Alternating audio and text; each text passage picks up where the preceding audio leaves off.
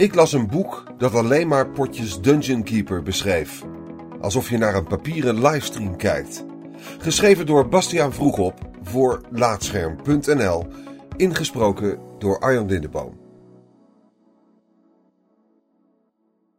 Fantasyboeken zitten meestal vol met clichés. Elfen met bogen, dwergen met hamers en oude mannen met lange baarden en toverstaven.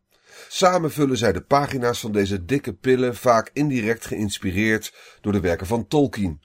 Wat dat betreft voelt het boek Dungeonborn alvast vrij uniek. Hierin speelt de zelfbewuste gamende kerker Kel de hoofdrol. Kel begint als een simpele edelsteen, maar ontdekt al snel dat hij zijn directe omgeving kan beïnvloeden.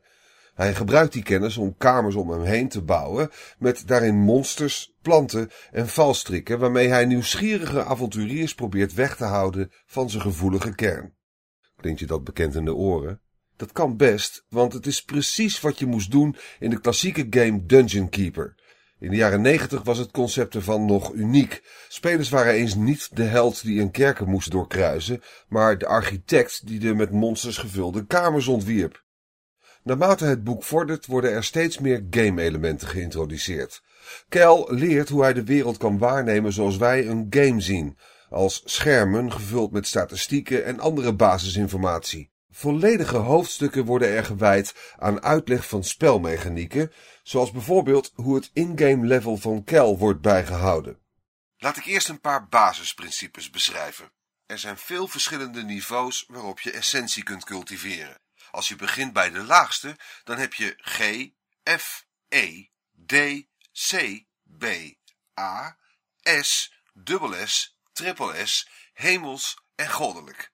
Elke rang heeft 10 levels, waarbij 0 het laagst is en 9 het hoogst. Hou je het nog bij? Even later leert de hoofdpersoon ook nog over de vaardigheden van monsters en hoe het spel erop inspeelt. Ik keek naar wat het konijn nu kon doen. Het heet Cleave. Wat betekent dat? Oh, cool. Dat betekent dat hij bij een aanval een kwartcirkel voor zich raakt. Omdat hij het element lucht heeft, zal hij waarschijnlijk een windvlaag oproepen om alles voor zich te raken. Zelfs als de aanval mist, kan de lucht alsnog de vijand raken. In het boek wordt vrij direct en uitgebreid gerefereerd naar systemen zoals die ook in games bestaan. Daarmee is Dungeonborn een vrij vreemd boek, maar zeker niet uniek.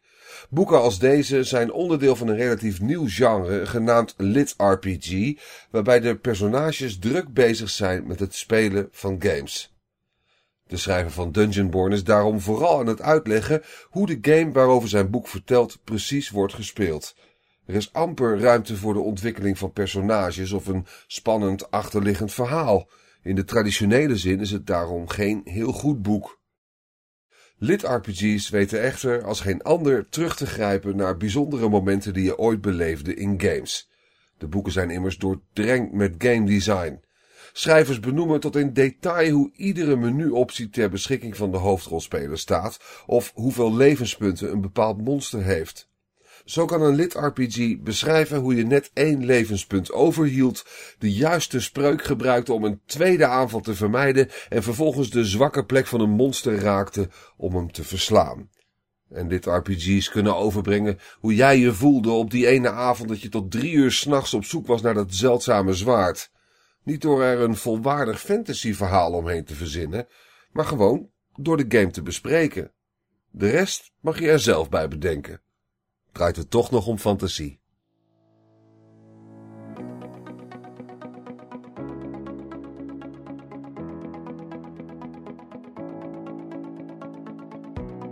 Dankjewel voor het luisteren naar Laatscherm voorgelezen. Als je waardeert wat we hier doen, dan zouden we het leuk vinden als je even een sterrenrating en een recensie achterlaat op Apple Podcasts of de podcastservice van jouw keuze. Abonneer je ook op onze andere podcast, Praatscherm en ga voor deze en meer verhalen, geschreven of gesproken, naar laatscherm.nl.